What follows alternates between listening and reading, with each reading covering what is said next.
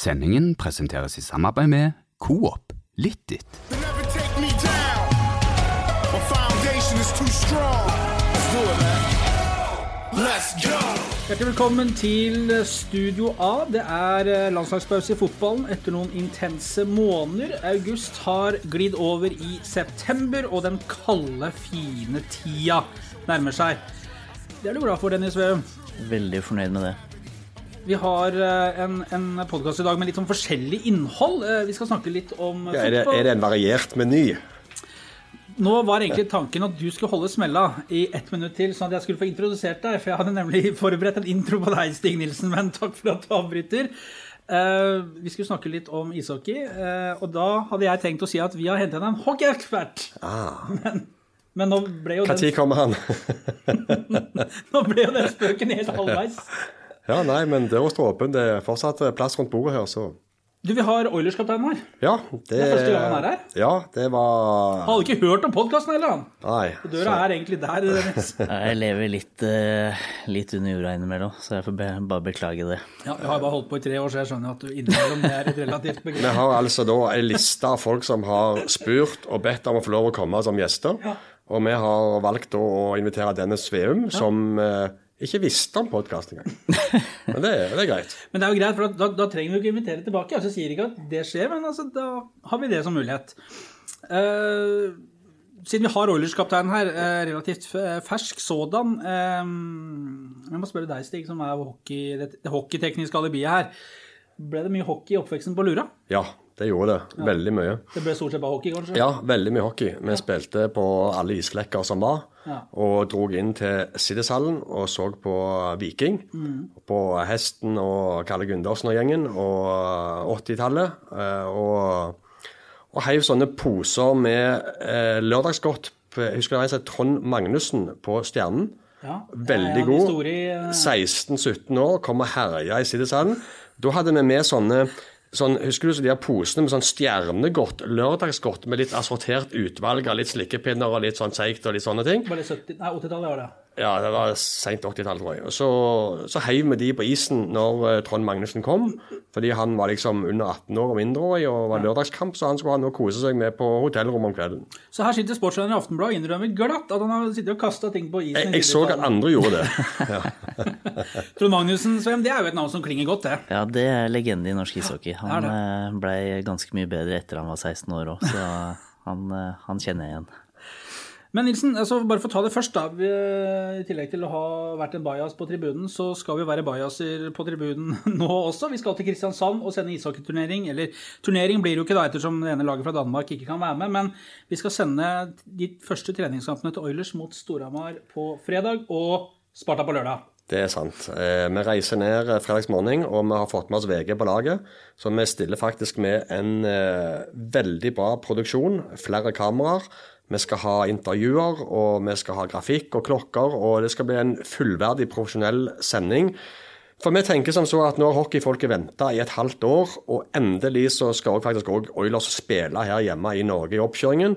Og, så dette satser vi på, og dette skal de få rett hjem eh, i stua fra Idda Arena i Kristiansand. og Det, det er spennende. Og så syns jeg det er veldig kjekt at, at de møter Storhamar og Sparta, da. eh, I alle fall Storhamar, da, som er et lag som er spådd at det kommer til å kjempe opp i toppen sammen med Oilers denne sesongen.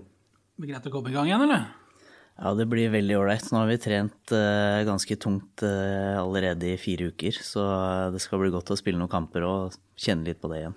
Du kommer hit og er litt sånn seig i tråkket, for du, Mr. Bjorkstrand har kjørt gutten hardt på trening i dag. I dag var full rulle egentlig eh, hele uka sånn sett, men eh, i dag var det litt eh, ekstra skating på slutten, og det, var, det sitter godt i låra nå, ja. Ja, men Var det sånn han, Hva du sa når vi var og skjenka oss en kaffekopp før vi gikk på her, så sa du at han, dere skulle være det beste, mest utholdende laget? Eller hva var det? Mest utholdende laget i ligaen, ja. Så da blir det litt ekstra skating. You know, vi obviously, boys, we have to skate, you know, obviously.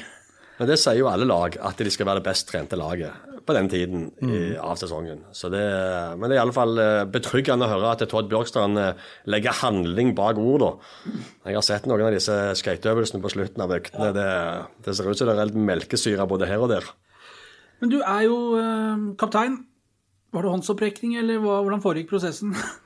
Nei, det veit jeg ikke. Jeg ble i hvert fall tildelt den rollen, og det er jeg veldig både stolt og takknemlig for, så det, det er gøy.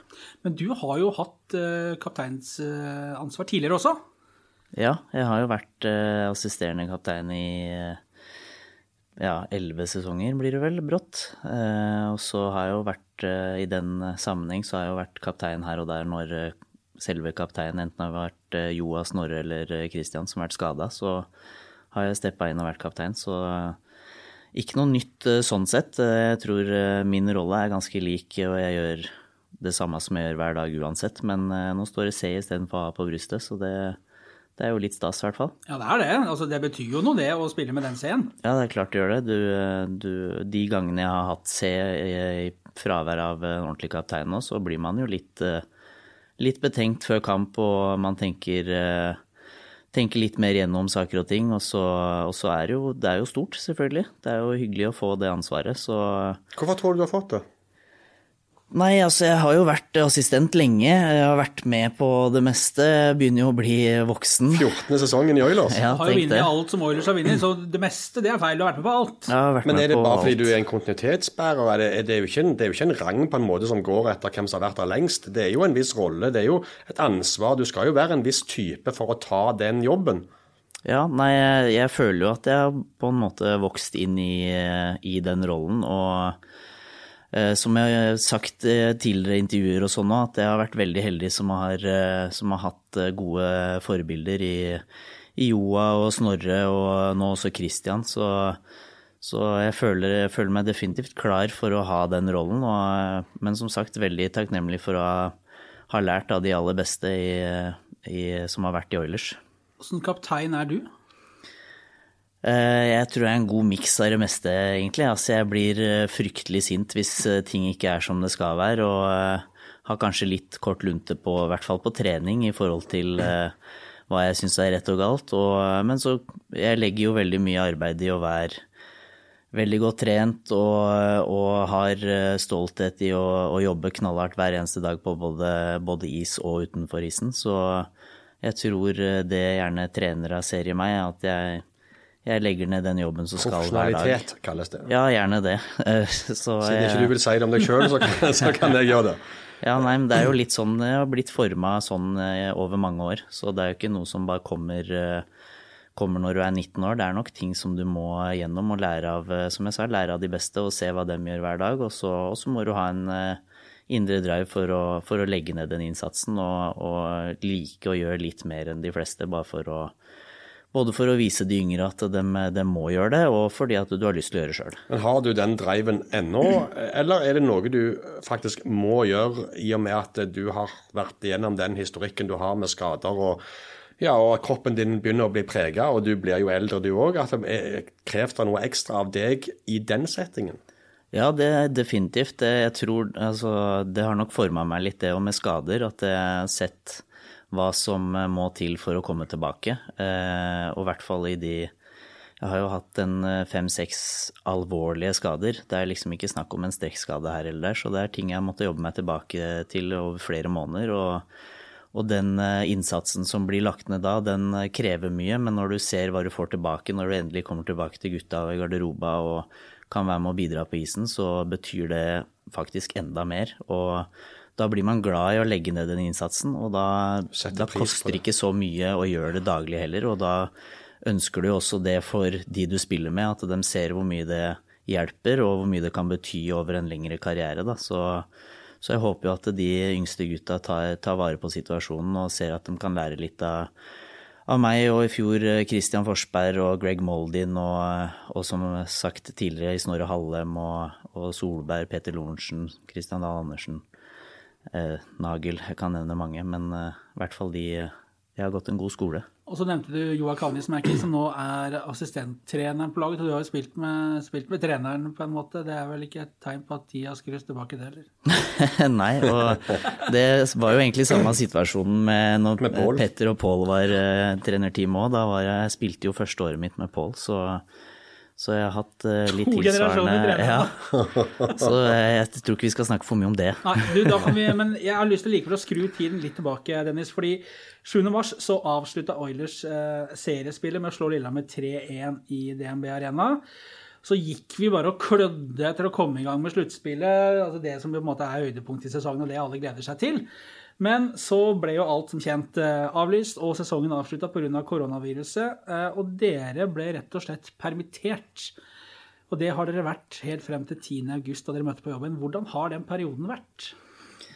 Nei, det, altså det, det var jo i utgangspunktet en ganske tung periode, men eh, det har jo vært for hele verden. Altså, Jeg skal ikke klage for mye på det. Um, Det er jo kjedelig, men folk har det mye verre enn det vi har det her i Norge. og for vår del så har vi jo prøvd å holde, holde det oppe i forhold til trening, i hvert fall. Og det er litt sånn, selv om vi ikke har fått betalt eh, som vi pleier for å være i fysisk form, så har jo vi stolthet i å være eh, godt trent. Og du vil jo holde deg klar òg, for det går jo bare utover deg sjøl, egentlig, om du ikke er klar. Så for min del den perioden så hadde jeg styrkerom i garasjen og eh, hadde flere av gutta der eh, mandag til lørdag hver uke fra egentlig fra 20. mars av, mer eller mindre. Så det var noen fryktelig kalde garasjeøkter i starten, og så Du kunne jo tatt betaling, du, da, så kunne du hatt en sånn liten biinntekt Jeg kunne egentlig gjort det, men Klippekort eh, i Dennis sin garasje. det er vel gjerne der litt kapteinsrollen går i nå, at du vil ha gutta inn for å være sikker på at alle gjør den jobben de skal gjøre òg. Så for min del så var det bare en stor glede at de, de som ville komme og trente, og så var det jo selvfølgelig litt begrensa plass. Så eh, vi var en eh, vanlig gruppe på seks, i hvert fall seks personer som trente der mandag til lørdag hver uke. og og har jo vært litt sånn, jeg vil si mentalt eh, veldig forfriskende. At eh, du får litt garderobestemning, litt guttestemning. Eh, ta en kaffe før vi trener, og så kjørte vi eh, klokka ni hver, hver morgen. Eh, og kjørte vi knallhardt to, to økter igjen, mer eller mindre, med sykling og styrke og, og fullt kjør. Så eh, jeg tror eh, vi hadde veldig godt av det, både fysisk og psykisk, eh, at det gymmet var åpent. Garasjegymmen, rett og slett, som har vært et slags fristed og en sånn, et samlingspunkt her i noen egentlig litt tøffe, mørke måneder. Ja, definitivt. Det, det var jo det. Og så har du, du vi, vi møttes jo i sommer. Da hadde jeg et større intervju med deg på trykk i Aftenbladet. Og da snakka du litt om også dette her med den, den mentale. Altså at når du på en måte får, føler at du kommer deg på jobb, du, du går ned i garasjen, trener, er med gutta, det blir litt meldinger og, og, og svetting. Og så er jo det også en balanse i eh, samboerskapet med madammen, for da var liksom sveven var i orden, alt var greit. Du gikk ikke hjemme og, og fløy på veggene heller. Nei, jeg tror uh, hun hadde nok uh, kanskje best utnytta det garasjegymmet av alle. Så hun slapp å ha Hvordan tolker du det? Nei, ja, nei, si det.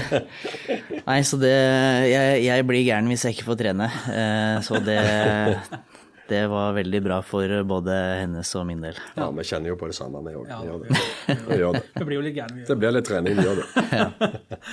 Men akkurat det med den garasjegymmen, eh, for eh, der var det jo en del innom, og mange av de samme, ettersom jeg har forstått deg riktig. Men var det folk som du gjerne skulle sett kom innom, så du hadde mistanke om at kanskje slapp seg litt ned på laget, eller hvordan eh, foregikk det? Eh, ja, i utgangspunktet, men jeg er jo ikke bekymra sånn generelt sett. Vi, Det var ikke noen som liksom ble had dratt ut av senga på morgenen her for å komme og trene? Nei, det var det ikke. Uh, som sagt så hadde jeg ikke plass til mer enn en seks-sju mann heller, sånn sett. Så, så det blei de det blei på en måte den faste gjengen. Men, uh, men det er jo klart Hadde jeg hatt større plass og muligheten, så hadde jeg definitivt pressa inn et par til der. Men det, men det er litt interessant det der, fordi jeg husker når um, koronaen, når landet ble stengt ned 12. mars, eh, og så visste vi jo ikke hvor lenge det var snakk om. sant? At du ble, de ble, Oilers var noen av de første som permitterte. eh, og, men så begynte jo alle lag å permittere. Og så stengte treningssentrene, og så stengte alle steder. Så det som vi hadde en artikkel på, husker jeg, det var at disse som selger eh, treningsutstyr, de var jo utsolgt. Altså Folk var jo på jakt etter Det var jo en håndballspiller som hadde reist eh, full Tord, Haugseng Ja. fra Nærbø som hadde drivet og ringt rundt og lurt på om han kunne få låne noen manualer. Ja, men, men- folk var liksom desperate etter og, og rett og slett, for De har ikke tilgang på treningsutstyr eh, hjemme fordi de normalt har det der som de er utøvere. Så, eh, så i så måte var det jo litt privilegerte, faktisk, som hadde tilgang til dette her eh, Dennis garasje og benkpress AS. Ja, nei, det er jo for så vidt sant det. Når jeg var i, Jeg var litt på hugget med en gang det skjedde, og, og tenkte at jeg må få ordna noe. Eh, og da to, gikk jeg bare ned i styrkerommet i hallen rett og slett, og bare henta ut alt jeg hadde plass til. Så det var der det kom fra. Så, Litt føre var. ja, så jeg slapp i hvert fall å ringe rundt. Jeg bare gikk ned der og henta det jeg kunne. Og eh, Mathias Trettenes var med å kjøre fram og tilbake en fire-fem turer. Og så plutselig så var det et garasjegym eh, klart. Så Ja. det var veldig bra. Kult. Smart gjort. Ehm, fikk du noe hjelp til å sette opp ting og vaske og rengjøre dette her, eller var gutta kom, kom til ferdig dekka bord? Nei, det var ganske ferdig dekka bord, men eh, de er flinke dem når de får beskjed om ting og, og passer på seg sjøl òg, så, så det blei rengjort eh, hver dag og støvsugd eh, i, i et par ganger i uka. og Alt var egentlig helt i rute. Så hadde vi kaffekoker eh, og alt mulig rart der òg, så det blei litt eh, kaffekos både før og etter trening. Så vi hadde det egentlig veldig bra. Og så kom sommeren, eh, og da må vi bare da fikk jo endelig for, for, alt ble jo stengt, som vi husker. Dette har vi snakka om 100 ganger. Men eh, fotballen kom jo på et eller annet tidspunkt i gang. 16.6 var det vel, hvis jeg ikke husker helt feil. Det er korrekt. Fotball, Kunne du blitt fotballspiller? Det tror jeg ikke. Ikke med Nei. Nei. med- Ikke med de beina her, holdt jeg på å si. Det hørtes rart ut. De? eh, Ja, ja. nei, nå tenkte jeg først og fremst på at jeg har hatt mye skader og ikke kan løpe, men eh, nei, fotball det er ikke noe for meg. Spilte du ikke fotball på Sandporsletta når du var liten? Jo, jeg gjorde faktisk det. Jeg var spiss og skårte en del mål på yes. fryktelig lavt nivå antageligvis, men uh, fotball var liksom aldri min ting. Jeg, jeg er fra Lillehammer og har gått på ski to ganger hele livet mitt, så hockey det var greia. Ja, og det, Kanskje Oilers skal være glad for at det ble eh, hockey på Sveb? Ja, det, når du ser uh, den statistikken og hva han har fått med seg når han nå går inn i sin 14. sesong, uh, og du ser at han har jo vært med på alt Oilers har opplevd, et par litt trange sesonger eh, de første årene, men fra 2010 og fram til nå så har det bare vært et eventyr. og Jeg kan ikke, jeg kan nesten ikke altså Hockey er jo ikke det jeg har mest kunnskap om, men jeg kan ikke tenke meg noen som fortsatt er aktiv i moderne tid, som har fått vært med på et sånt eventyr, og som har et skap som sannsynligvis har blitt bygd ut gjennom karrieren, som det Sveum må ha. Ja, nei, hva skal jeg si, jeg er bare veldig takknemlig som har fått vært med på reisen, egentlig. Hvor henger gulla? Er det i garasjen der, eller har du låst dem inn i en safe? Nei, det meste er hjemme hos pappa på Lillehammer, faktisk. Alt unntatt den eh, siste gullhjelmen. Den har jeg alltid liggende hjemme her. Men er det sånn bevisst at du ikke vil ha det hjemme hos deg?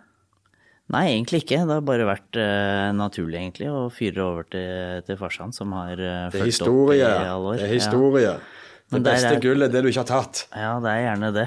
Men uh, det Mentaltrener inne i studio her, eller? Ja, Petter Thoresen sa det. Ja. Den beste triumfen det er den som du venter, så kommer neste. beste er neste, ja. Ja, Han sa vel noe om katastrofe? Hvordan var den? Ja? Ja, det var en helt annen historie. Og TV 2 det som fikk så ørene flagra. Men eh, altså, fotball, da. Eh, Dennis, det ble ikke fotball på deg. Men eh, Viking er jo et fotballag som vi snakker om titt og ofte. Og de har jo avslutta nå rett før landskamppausen med å slå Molde 3-2. Stig, det var en enorm viktig seier. Ja, var, den var viktig. De kom fra 2-0 borte mot Strømsgodset og har hele sesongen vært på jakt etter å bygge på en god opplevelse med en ny, og så bygge på det igjen for å få en rad med seirer som eh, tar de vekk fra båndstriden. Eh, Det, det er rart vi har tre poenger å gjøre, og nå har de to på rad. Det har de hatt én gang før i sesongen. så jeg tror ikke den pausen kom beleilig for Viking, for nå var det et eller annet som var i ferd med å skje der, og noe som så ut som det var i ferd med å snu. Så jeg tror nok de kunne tenkt seg å bare fortsette i det sporet som, som de var i. Men eh, nå må de vente til, til neste kamp, som er vel borte mot eh, Kristiansund 12.9., er det ikke det? Jo, det er vel det. Og jo, så har det jo vært trekning i eh, kvalifiseringsrundene til Europaligaen også, som Aftenbladet sender, med Vikings kamper. Møter Aberdeen hjemme 17.9., og hvis de vinner den, så er det borte mot Sporting Lisboa 24.9. Sporting Lisboa er jo en gammel venn for uh, Stavanger-folket. Nå blir det snakk om eh, gamle dager igjen her, men det jeg Alt var før. Ja, jeg var jo i, på Estadio da Luz i Lisboa i 1999. Ja, Men spørsmålet er, jeg tror ikke han heter det. Nei, men han het det den gangen. Er du sikker på det? Ja, det er iallfall det jeg skrev i Kampfakta. Ja, okay, Ja. Men det kan godt være feil. Spiller ingen rolle. Du var i Lisboa. Ja, og det var, det var en fryktelig tur. Altså, Viking hadde vunnet 3-0 første kampen. Det var Uefa-cupen, dette. Ja. Hadde vunnet første hjemmekampen 3-0 etter tre mål i andre omgang. Det var Magnus Svensson, Svensson. eh, Trygve Nygaard og Dan Espevold på straffe. Og et himla trykk i returoppgjøret der. Men det var liksom, de klarte å ri det av og vant 1-0. og det var jo det var mye, Jeg har så mange historier på den turen at det, nå er det satt av en egen podkast. Men det artige var jo Peter Schmeichel, da, som vi, sto, vi hadde jo politieskorte fram og tilbake eh, fra stadion. eh, For det var jo ikke så veldig happy, eh, portugiserne, for at eh, Viking hadde slått ut laget deres. Men vi var to journalister som sto igjen ut forbi stadion eh, og venta på Peter Schmeichel. Og måtte bare si til godt at de måtte kjøre, for de kunne ikke vente lenger. Så vi tok dette på eget ansvar. Eh, mørkt seint på natten var dette, her, og der kom Schmeichel ut og slapp bagen sin rett i asfalten og begynte å skjelle oss ut, og det var ikke måte på. Nei, det, men det eh, Jeg tror Nå er det jo bare enkeltkamp, og det er på bortebane. Så hvis Viking skulle komme til Sporting Lisboa eh, og få møte de, så er det klart det, det blir tøft. Men jeg tror vi skal ha én kamp av gangen her. Viking har møtt Aberdeen tre ganger de siste åtte årene i privatkamper og tapt alle tre. Så det er på tide at de slår dem, men, eh, men vi tar vi tar én kamp om gangen her. Som eh, en som har bodd i Stavanger i, i mange år, så har du selvfølgelig vært trofast på Viking sine hjemmekamper, Dennis. Eh, jeg, helt ærlig så var jeg faktisk det de første fire-fem åra jeg var her. Da var jeg på nesten hver eneste kamp sammen med Henrik Solberg. Um, etter det har det vært litt mindre. Hvorfor det? Nei, det er ikke lov med publikum nå, det sier Ja, seg sjøl. ja, det er akkurat det. Jeg, jeg lener meg på den. Ja.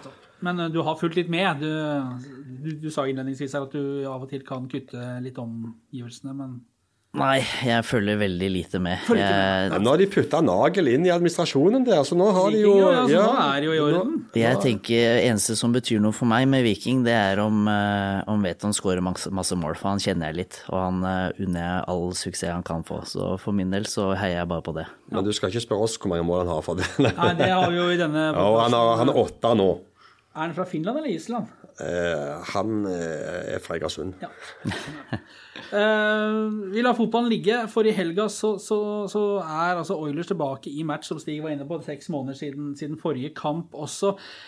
Vi vet jo at når hockeyspillere kommer på istrening, første istrening med litt nytt utstyr, alt er litt sånn stivt og rart, så er det mange som sliter med å holde seg oppe.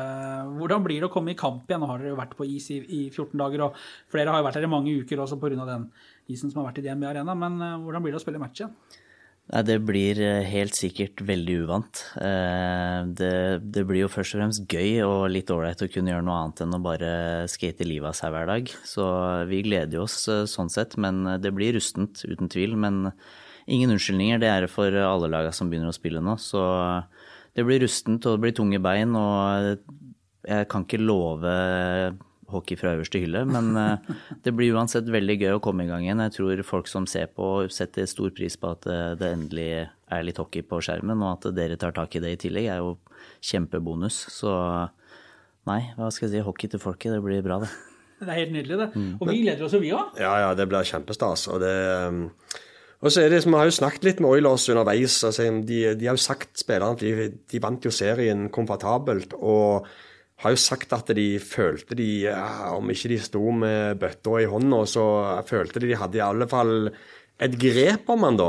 Eh, at det var en god sjanse til å ta den òg. Ja. Så de har følt seg litt sånn snytt og gått rundt med en sånn revansjelyst og en litt sånn eh, hevnaktig følelse at når vi kommer i gang igjen, så skal vi pine det opp igjen og, og fortsette der vi slapp, da. Så, så er jeg litt spent på disse to nykommerne som eh, Martin og Rumble, som de har henta inn eh, nå. What's good? Ja, det blir en klassiker. Jeg har ikke tenkt på det, da. Det må de gjøre noe med i hallen. Altså, det, Det blir jo, det helt sikkert. Presentasjonen på hallen første hjemmekampen, Ja. det må bli Ja, let's get. ready to det, For meg blir det litt billig, men OK.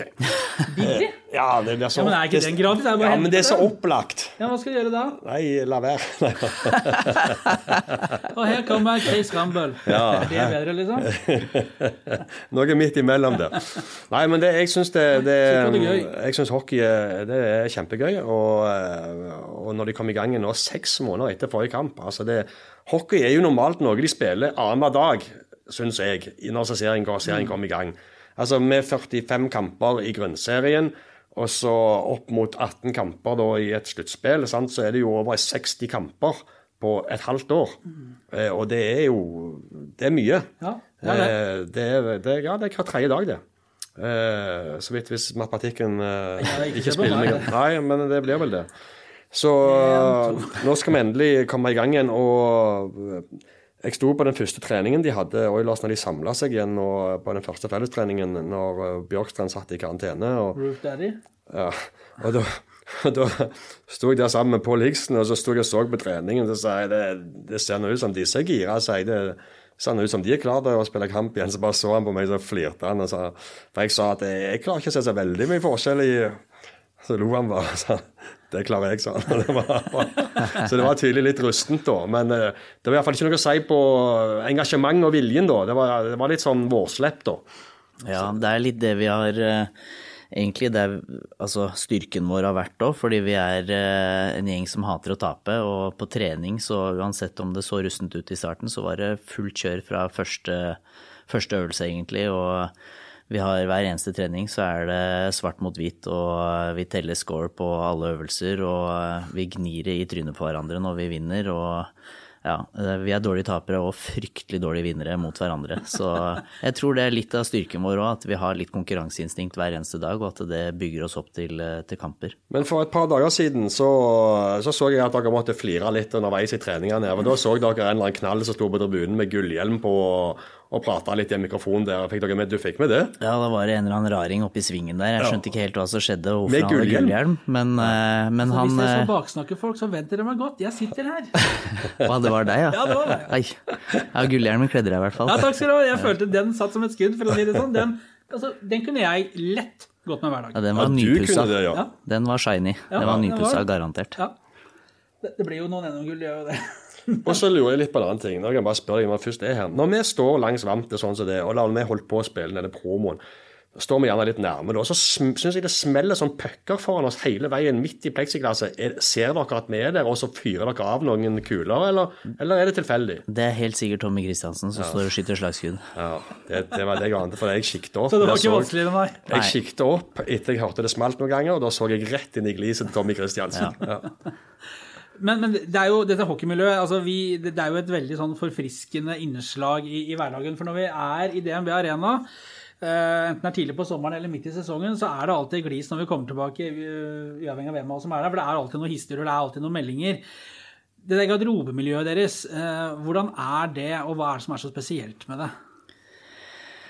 Nei, altså Nå har jeg vært her i 14 år, da, så jeg kan ikke snakke om så mange andre garderober. Men for vår del så er det jo, eh, som du sier, veldig løs stemning. Og det, nesten uansett hva du gjør, så er det noe gærent. Så du blir meldt på uansett. Og eh, Det er fryktelig liten gutteklubb. ja, det er eh, Altså, du gjør aldri noe rett. Det, du får, hø får høre uansett hva du har gjort. Så, så de, fleste, de fleste meldingene sitter veldig løst, og det går som regel utover eh, enten eh, Talge, Paulsen eller eh, Søberg nå, sånn som situasjonen har vært de siste det. par åra. Så Markus Søberg havner i den kategorien. altså. ja, han får kjørt seg litt, han òg. Tommy er på.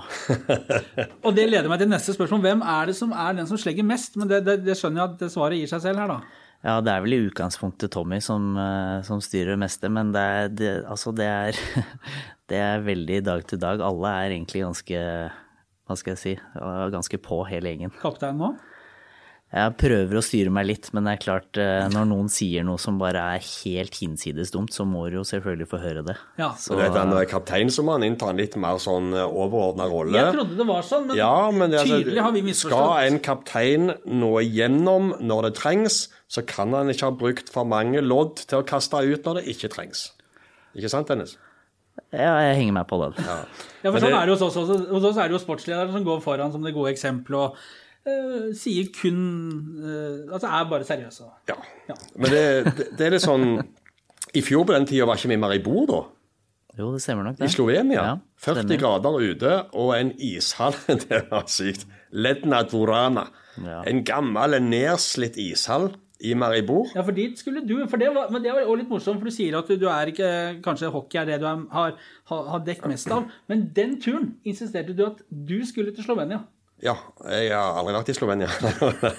Nei da, men eh, det var, jeg hadde jeg lyst til det. Og det, eh, jeg syns jo hockey er kjempekjekt. Så det I hvert fall i 40 grader og sol. Ja, det, det var jo det. Men det som var løye der nede, var jo at eh, når de da endelig skulle få litt god motstand i Graz fra Østerrike så Den hallen her ble jo brukt altså når, Før den kampen mot Graz så gikk det av noen 60-70-80-åringer fra isen som hadde hatt en sånn en old boys, skikkelig old, old, old boys-kamp etter en trening.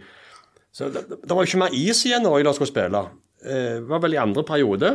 Kom ut til andre periode. Så, så var det jo bare betong i målgården. Så kom de med noen brannslukningsapparater og prøvde å fyre opp greiene og jazze opp noe is der og noe vann og bøtter, men det hjalp jo ikke, så de måtte jo bare avlyse den.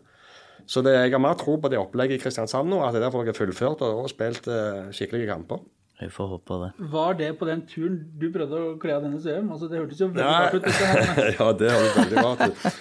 Ja, vi prøvde å kle av Dennis Veum, men når du spiller opp på den måten der, så må jeg ta hele historien. Ja, det var Jeg sa til deg før jeg reiste til Slovenia at jeg kunne tenkt meg å lage en artikkel om alle skadene som Dennis Sveum har hatt gjennom karrieren sin, med en grafikk som viste alle stedene på kroppen han hadde fått ødelagt noe.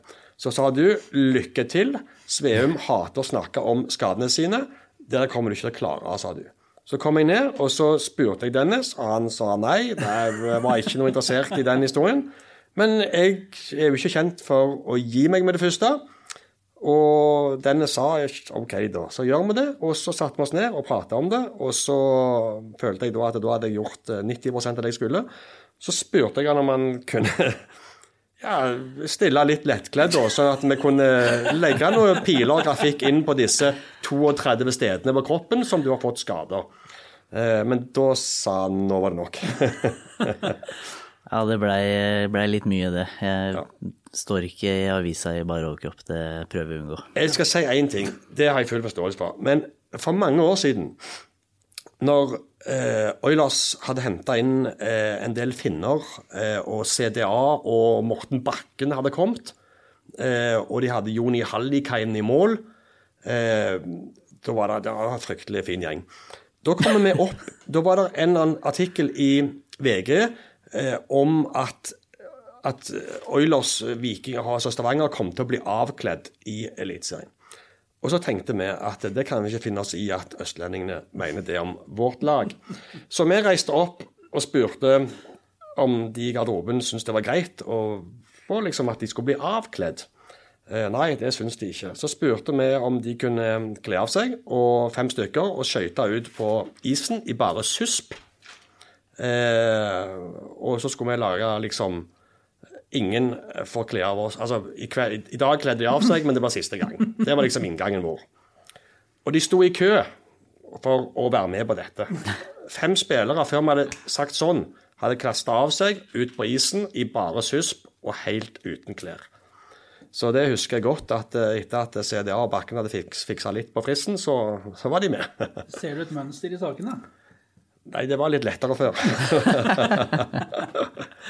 Men det som har, eh, det som har vedvart i hockeyen, er dette eh, botsystemet deres. Eh, For det er jo, hører vi jo av og til når vi er innom at der er det bot og 50 kroner her og tusenlapp der. Fortell og forklar for folket nå hvordan er, hvordan er dette her, og hvordan fungerer det? Det er ganske mye å eh, nevne bare sånn her og nå, men, Ja, men vi har rikelig med tid. Ja, men det er jo så enkelt som hvis du ikke kommer tidsnok til oppmøtetid før trening, som som regel er halvannen time før vi skal på is. Så halv åtte, halv ni. Ja, nå er det vel oppmøte åtte Nei, sorry, eh, 8.30. Ja. Det, I hvert fall denne uka her så har det vært det. Ehm, Og er du der 8.30, så er det for seint. For du skal jo være klar til 8.30. Klar, altså ferdig skifta Ja. eller ferdig Nei, eh, til fysisk trening? Nei, til fysisk trening. Ja. Så du må være der før det. Ja. Uh, og det er jo uh, Altså, da må du betale hvis du kommer for seint, selvfølgelig. Hva er det, da? Det er jo kun en liten 50-lapp. Og så er det jo da hvis Eller egentlig, så det er jo mye mer uh, det er litt vanskeligere enn det. Men eh, kommer du seint, så er det en femtilapp. Kommer du seint og ikke rekker å ha kledd på deg et øye, så er det en femtilapp ekstra. Eh, Hvis vi må ringe for å sjekke at du ikke sover, så er det en 50-lapp ekstra. Så ting eh, baller jo på seg. Og så er det, hvis du gjør samme forseelse innad i samme måned, så dobles det per gang. Så hvis du forsover deg tre ganger, så koster det 50 første, 100 andre og 200 tredje. Jeg er glad ikke mer sånne regler. Så. men Det eh, det, det er- det er heldigvis ikke mange som gjør det, og er veldig sjelden akkurat den bota. Men så er det jo ting eh, Du skal rydde plassen din, eh, utstyret skal henge der hvor det skal være hver eneste dag. Du skal ikke ha noe liggende på gulvet. Du skal uh, legge Ja, altså passe på at tinga dine er der hvor de skal stå, da, så det ser litt ryddig ut. Og at uh, si hvis dere kommer inn og skal ta noen bilder i garderoben f.eks., så skal det se strøkent ut. Det er jo ikke sånn at vi Det er jo ikke boden din hjemme, liksom. Du, Nå tok, nå tok jeg nettopp et bilde av deg eh, og la ut på Twitter og fortalte at vi spiller en podkast med Oilers-kapteinen. Og du har jo ikke sponsortøy på deg. Eh, Får du bot nå? eh, Nei, faktisk ikke. Fordi men- du sjøl er botsjef, eller? Ja, det er bare derfor. Nei, i utgangspunktet så er jo eh, da hvis, da hvis det bildet hadde vært på sportssida i avisa i morgen, da hadde jeg måttet bøtelagt meg sjøl. Ja. Ja, hvis det Hvor kommer der, mye, hvor mye gir du oss nå for å la være å trykke? Da jeg smyger jeg en liten femtilapp inn til dere nå etterpå, og så håper jeg at det holder. Ja. Men, men uh, dette er jo altså, det Men da har vi jo fått, unnskyld, da har vi jo fått forklaringen på hvorfor han ikke ville stille opp i Barovercup. ja, Fordi han hadde det fått hadde jo bot. vært 50 kroner. Ja, Ja, det- ja. Ja, men nå henger det sammen. Greit Men det der med å komme tidsnok, er jo, det, det skjønner jo alle, det er jo på en måte, det er jo en slags idé bak det. Hvis ikke så blir det helt anarki, og det blir jo umulig å holde struktur på noe. Men eh, hva med å ta en matchstraff for eksempel helt de, som å ta en 19-åring fra Gryner eksempel, som skal ikke nevne navn, men han 91 hos dere har gjort. Eller i Nærvik, eller. Hæ? Eller i Nærvik. Ja, nei, da ville han jo ikke. Nei, sånn var det, Han ja. Han, ikke ja han, visste ikke, han, visste ikke, han visste ikke hvem han var. Nei, så det, det syns jeg er fornuftig resonnement. Men uh, den type unødvendige ting som skjer på isen som setter kamerata dine i en vanskelig situasjon, hvordan er eh, satsene der? Ja, det er litt dyrere. Da snakker vi 500 kroner. Og så er det jo, hvis du da skal få kamper, så si at du får to kamper eh, karantene i tillegg, så er det jo 500 per kamp der òg. Så det kan være 1500 Det kan bli det. veldig dyrt. Samme med å brekke kølle med vilje på både trening og kamp, for det er jo, det er jo dyrt utstyr. Eh, Folk som ikke er klar over det, en hockeykølle koster jo ca. 3000 kroner. Så vi bruker jo ganske mange av de i løpet av året. Så hvis du skal fly rundt og brekke de bare fordi du er sint hele tida, så blir det dyrt. Så det jo koster 500 kroner. Så det er litt sånn for å prøve å få folk til å unngå å gjøre det. Men heldigvis for botkassa så er det mange som gjør det. Men, men har, har, har Tommy Kristiansen gått i minus noen måneder? Og han har fort gått i minus et par måneder opp gjennom åra. Men eh, altså, av, av disse her litt, men dette, dette er jo ting som det er mulig å forstå. Eh, disse her litt mer sånn intrikate, vriene bøtene, hva, hva går det an å trekke fram der, da? Åh, nå, det er litt, nå har jeg ikke kommet helt i gang med det, for folk oppfører seg veldig bra i starten. Eh, Iallfall nå alltid- når det er lenge siden de har fått lønn. Ja, det òg. Så alltid ganske rolig start. Så det er sånn som kommer litt mer utover sesongen når folk er litt, eh, litt mer slepphendte. Men det er jo også litt sånn, det er én bot, eh, eller en regel da, som er veldig fin, syns jeg, og det er at eh, botsjefen kan eh, bøtelegge ut ifra fornuft. Så, jeg, så rent teknisk så kan jeg bøtelegge for nesten hva som helst. Og der er du helt eneråden også? Ja, mer eller mindre så har jeg eh, Daniel Rokseth og Markus Søberg er medhjelpere nå. Eh, Før så hadde jeg jo Mostu med meg. Og nå, nå som Rokseth er ute en liten periode, så, så er Holm med. Ja. Så jeg er litt sånn ambivalent med, med Holm, fordi Holm bidrar fryktelig i den botkassa. Men eh, han, han er flink til å hjelpe til og ellers, så, så eh, da får jeg tatt en del bøter fra han, og så hjelper han meg med andre i tillegg. Så det er, litt, det er greit. Det der er jo egentlig bare en evig runddans som å kaste folk under bussen, det der. Ja, mer eller mindre. Ja. Det går til eh, egen personlig nytte til slutt, da, i hvert fall. Ja, for da ender dette her med en sånn bottur som vi kjenner fra. Også, også fotballen, de har jo også et, et samme system. Men dere har jo litt mer utstyr, så det er litt mer å holde styr på. Men hva, hva gjør dere med de kronene? Nei, for eh, altså i år så ble det jo ingenting, for da var det jo ingen som fikk lov til å gjøre noe som helst. Men, Men var dere eh, ikke oppe på sykehuset og med noe eh, med gaver der, var det Det var ikke det? noe penger som gikk til noe veldedig Jo, det er jo ting vi jobber med med veldedighetsfondet vårt, så det er ting så det er jo ikke noe med botkassa å Det gjøre. blir en fryktelig tur neste år, da. Hva sa du? Det blir en fryktelig tur neste år, da, når du Ja, har spart det, opp. ja, vi har jo faktisk spart opp litt nå. Så året før så var vi jo i Las Vegas. Eh, så vi har jo hatt noen fine turer, selvfølgelig, og har vært i, i Spania en del år. Og det var vel andre gangen vi er i Las Vegas. Eh, så, men nå har vi jo faktisk fått spart opp litt ekstra. Vi pleier å starte på null, og nå, er vi, nå er vi langt forbi det. Så eh, god start. Bidrar du noe selv inn der, eller? Jeg skjønner jo at du som bolsjef ikke gjør det antageligvis, men Jo, jeg, altså, driter jeg meg ut, så må jeg jo selvfølgelig betale sjøl. Jeg prøver å være ganske rettferdig med, med det. Eh, men jeg er jo av natur ganske ryddig i forhold til sånne ting, og ganske streng med rutiner og alt sånn, så det skal mye til for at jeg glemmer noe, på en måte. Det er vel mer, eh, for min del blir det mer om jeg har eh, penger på tavla når vi spiller mot Lillehammer, da, som er også en regel hvis du spiller mot gammel klubb som du er enten oppvokst i eller har kamper for, så må du eh, sette penger på tavla før kamp. Og det penger på tavla betyr at du setter den summen på at dere skal slå dem. Mm, Og hvis stemmer. dere vinner, så går pengene i klubbkassa. Da går det rett i bokkassa. Taper dere, så får de tilbake. Taper dere, så slipper du å betale noe. Ja. Så det er jo, det er jo, det er jo en ting å følge med på her. Ja, det er ganske mye egentlig, men det er litt, eh, litt sånn eh, Jeg har jo vært her lenge, så det er litt sånn eh, over alle de åra her så blir det veldig naturlig å ha et eh, åpent øye for ting. Og som jeg sier, så er jeg ganske ryddig av, av, natur, så det blir litt sånn hvis jeg ser andre som styrer litt, så gir jeg også beskjed, så de gjerne lærer seg å gjøre ting litt mer riktig. Sportslig, da. Hvordan ser det ut? Det er jo ikke, altså det er en måned til seriestart. Ja, måned til seriestart. Borte mot. Storhamar 3. Ja, det stemmer vel. Ja.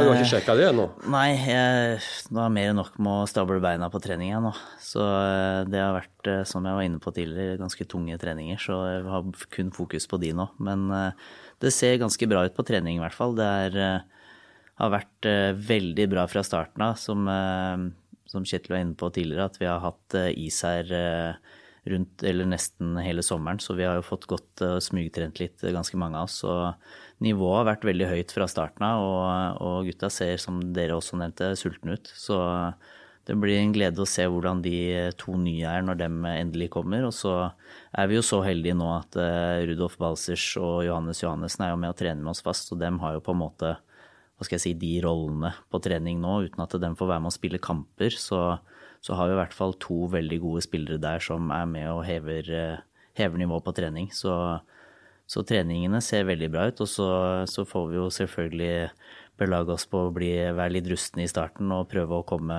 komme litt inn i det. Og, og eh, være pigge til seriestart. Hvordan eh, Altså, kan, du har jo sannsynligvis ikke full kontroll på, på de andre lagene, men hvem er det som peker seg ut som de ergeste konkurrentene? Hvem er det som forventningsvis kommer til å gi dere match? Nei, jeg, jeg er litt dårlig på å følge med på sånn type ting. Det, Det er noen som heter Storhamar, og så er det Vålerengen. Ja, det, det har jeg kontroll på, men eh, sånne spillere som flytter seg her og der, følger jeg ikke så mye med på. Jeg tenker mer på laget vårt. Eh, Men eh, som det pleier å være, så er det vel Storhamar, og jeg tipper også Frisk eh, kommer helt sikkert til å være der oppe. Og så og Vålerenga er jo alltid guffen å spille mot, uansett hvordan laget ser ut på papiret. Så, eh, så det er jo de du på en måte er mest klar over. Og så er det hver eneste sesong så er det et lag som overrasker, enten eh, i periodevis eller over hele sesongen. Så du, du kan liksom aldri avskrive noen av laga, syns jeg. Det er, det er litt sånn Jeg vil ikke si noe stygt om noen lag, men Gryner er vel det som i utgangspunktet ser eh, tynnest ut, da, mens alle andre lag, eh, til og med Grüner, jeg skal ikke ta fra dem det, men i hvert fall alle de andre lagene er sånn som du på en dårlig dag definitivt Altså, vi tapte jo mot Grüner i fjor òg, for så vidt. Så eh, du skal ikke ta lett på noen av lagene, så Om det ble 4-5 jeg husker ikke. Det husker ikke jeg. Nei, det bare slo meg plutselig. Ja, fire, fem Det ble ikke noe poeng, i hvert fall. Vi satt igjen i åpent. Det ble, ja. Ja. Men så er det jo en sesong hvor, eh, hvor Vålerenga skal åpne sin nye arena, nye Jordal, etter mange år og utsettelser vekk fra Furuset Forum. Det blir jo gøy. Det er jo sånn sett synd at ikke Oilers kan komme dit og være med å fylle den når dere skal spille der. Og så er det Hockey Classic mot eh, Lillehammer. De vraka Storhamar, vil heller ha Oilers til Håkonshall. Det blir jo kult. Spesielt for en Lillehammer-gutt. Ja, det, forhåpentligvis så blir det Jo, flere enn 200 personer der òg. Forhåpentligvis. Hvis ikke så blir det vel helt sikkert uh, ikke i Håkonshall, tenker jeg. Nei, Så Det er vel ikke noe poeng å uh, ryste opp Håkonshall til å spille hockeyclassic med 200 tilskuere. Nei, det er jo ikke det. Så uh, det er også veldig kjedelig hvis det ikke blir noe. Men, eh, men ja, det, vi får jo bare vente og se hva som skjer. Det blir gøy å spille hockey. CHL-mesterligaen mot Røgle da, 7. og 13. oktober. Tror du det blir en av de? Aner ikke.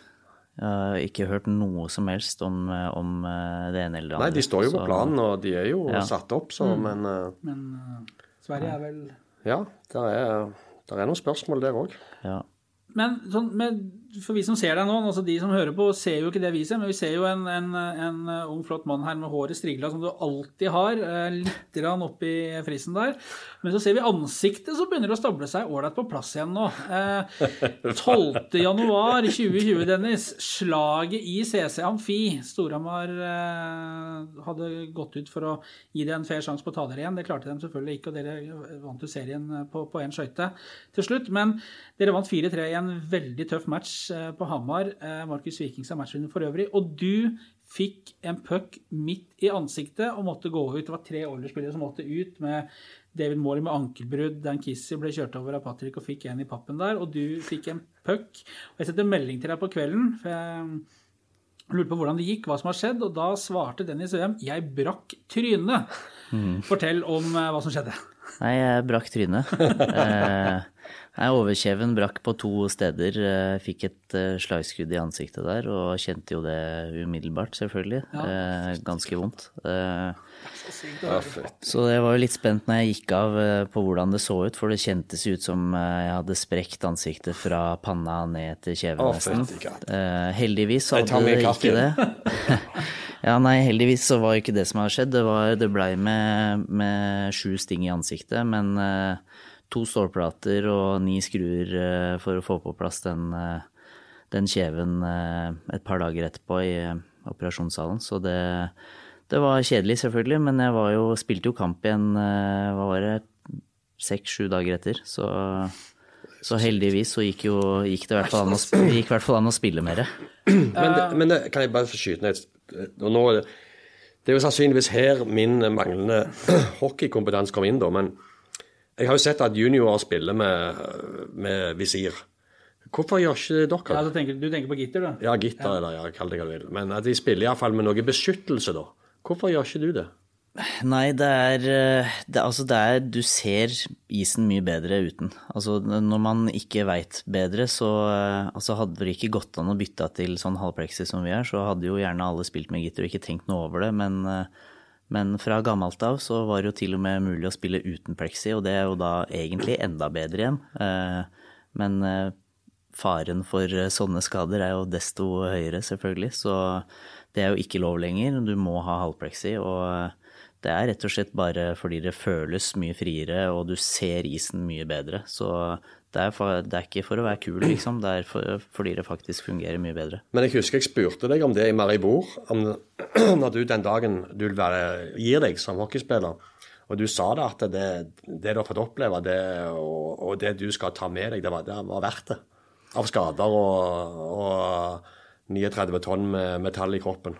Ja, det er jo utgangspunktet det. Det er jo derfor jeg på en måte kommer tilbake hver gang òg. Fordi det er en uh, veldig stor glede i, i hverdagen for meg. Uh, noe jeg setter utrolig stor pris på å kunne drive med, og er som sagt både stolt og ydmyk overfor at jeg får lov til det. Så, og spesielt i så mange år. Så uh, for min del så er jo gleden med å spille ishockey er eh, mye større enn alt annet eh, i forhold til eh, skader og alt sånt. Det betyr ikke så mye når man, når man da ser inn i øya på gutta etter en seier. Det er kanskje beste følelsen som fins. Du, du bare Jeg får nesten frysninger av å snakke om det, men du får en sånn glede som er eh, vanskelig å, å beskrive. Og bare for å avslutte det med, med ansiktet, at du brakk trynet. Du, har du, fjern, du har fjerna alt nå? Nå er det ute. Ja, for nå, når vi så, så deg i sommer, så hadde du ikke tatt det ut helt, tror jeg. Du Nei. skulle gjøre det like etterpå. Ja, det var dagen etter, tror jeg faktisk. Ja, men eh, nå er det liksom bare en liten sånn strek under venstre øye der, og ellers så ser det ålreit ut nå. Ja, det er eh, de to åra her som, mm. som eh, er igjen, på en måte. Så klarer jeg ikke å løfte helt på smilet, ser du. Når jeg, Ja, jeg ser det er litt stramt på denne siden ja, der. så jeg skal antageligvis ha noe kirurgi for å rette opp eh, på smilet og, og kinnet, for det er litt sånn eh, Det har skjedd litt nerveskader der, så det kommer jo noe Men det tror jeg drøyer til jeg eventuelt er ferdig med å spille, i tilfelle det kommer noe mer. Så det ble Slå sammen flere ting. Ja. Altså, Det er sånn plastic fantastic til slutt, det der. Hockeyspillere og smerteterskel, det er jo en sånn egen eh, greie. Jeg spilte match seks-sju dager etter å ha fått brekt trynet. Da sier jeg bare god bedring. Jeg husker en kamp jeg var på en gang og dekka, og da, da var det en spiller, jeg husker ikke Jeg, jeg erindrer om det var Anders Jøse, men jeg er ikke sikker. Om han Nåværende Storhamar-trener. Ja. Det røyk tre-fire tenner. De plukket de opp på isen eh, midt i kampen, første periode. og De kjørte han til legevakt og tannlege og det som var. Og han kom tilbake og skulle spille tredje periode. Det fikk han jo ikke lov til da. Men det, altså, det, jeg bare rista på hodet. det er sånn, De andre hadde jo sykmeldt seg i mange uker, liksom, og både psykisk og fysisk og mentalt, det de hadde godt opplevd. Men eh, nei, han skulle rekke tredje periode. Det var Det er fokuset. Ja, det er jo er det sånn, det- sånn det blir. Jeg hadde jo lyst til å gå utpå igjen med en gang det skjedde, jeg òg, men ja, Ja det er jo litt sånn umiddelbar eh, Litt med det at du setter pris på å drive med det her, at du vil tilbake til gutta og bidra. Så det er nok derfor det på en måte er litt eh, skal jeg si, Du prøver ikke å være tøff, det er bare naturlig. Du vil hjelpe kompisgjengen. virker som liksom. det er en utrolig sterk og en litt sånn eh, spesiell form for justis i et hockeylag.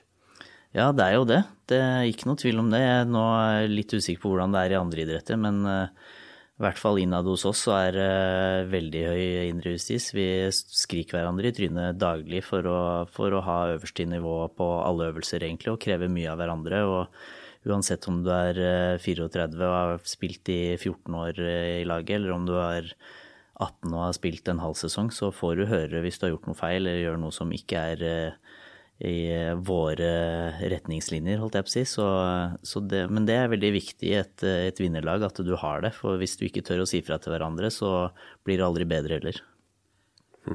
Velvalgte ord til slutt, skal vi si det? Ja, Fra en som har opplevd litt, og som er, i rute. det er vel ikke så meget at legge til. Nei, det er vel helt riktig. Jeg minner igjen om eh, sending eh, fredag fra Ida Arena klokken 17.30. 17.30 Oilers Storhamar. Vi satser på at vi går på lufta litt før, Ja. med intervjuer uh, før kamp. Og der får du det, uh, dropp 17.30 Ja, du, jeg, jeg holdt på å si avspark, men det gjorde jeg ikke. Dropp 17.30, og du, Flyg, skal kommentere kampene. Ja, har jo vært oppe i mer Og øvd deg litt, ja. Så jeg er helt i Men du får ikke det. gullhjelmen med til Kristiansand. Jeg har nok noe på gang selv, ja. Ja, og så intervjuer i pause og etter kamp. Og lørdag så er det 17.00. Oilers Sparta. Samme opplegg. Eh, kjører full pakke. Så her er det bare å logge seg på aftenbladet.no, så skal du få hockeygaver fra Sørlandet. Eh, og du er med som en Jeg er med, ja. slags eh, overformynder, og så passer på Jeg at alt foregår er og- din støttekontakt, og det vet du. Og til, helt til slutt, hvor setter du pucken for å være sikker på at den går igjen? Roof Daddy. Opp i redet. Up where mama hide her cookies. Takk for i aften.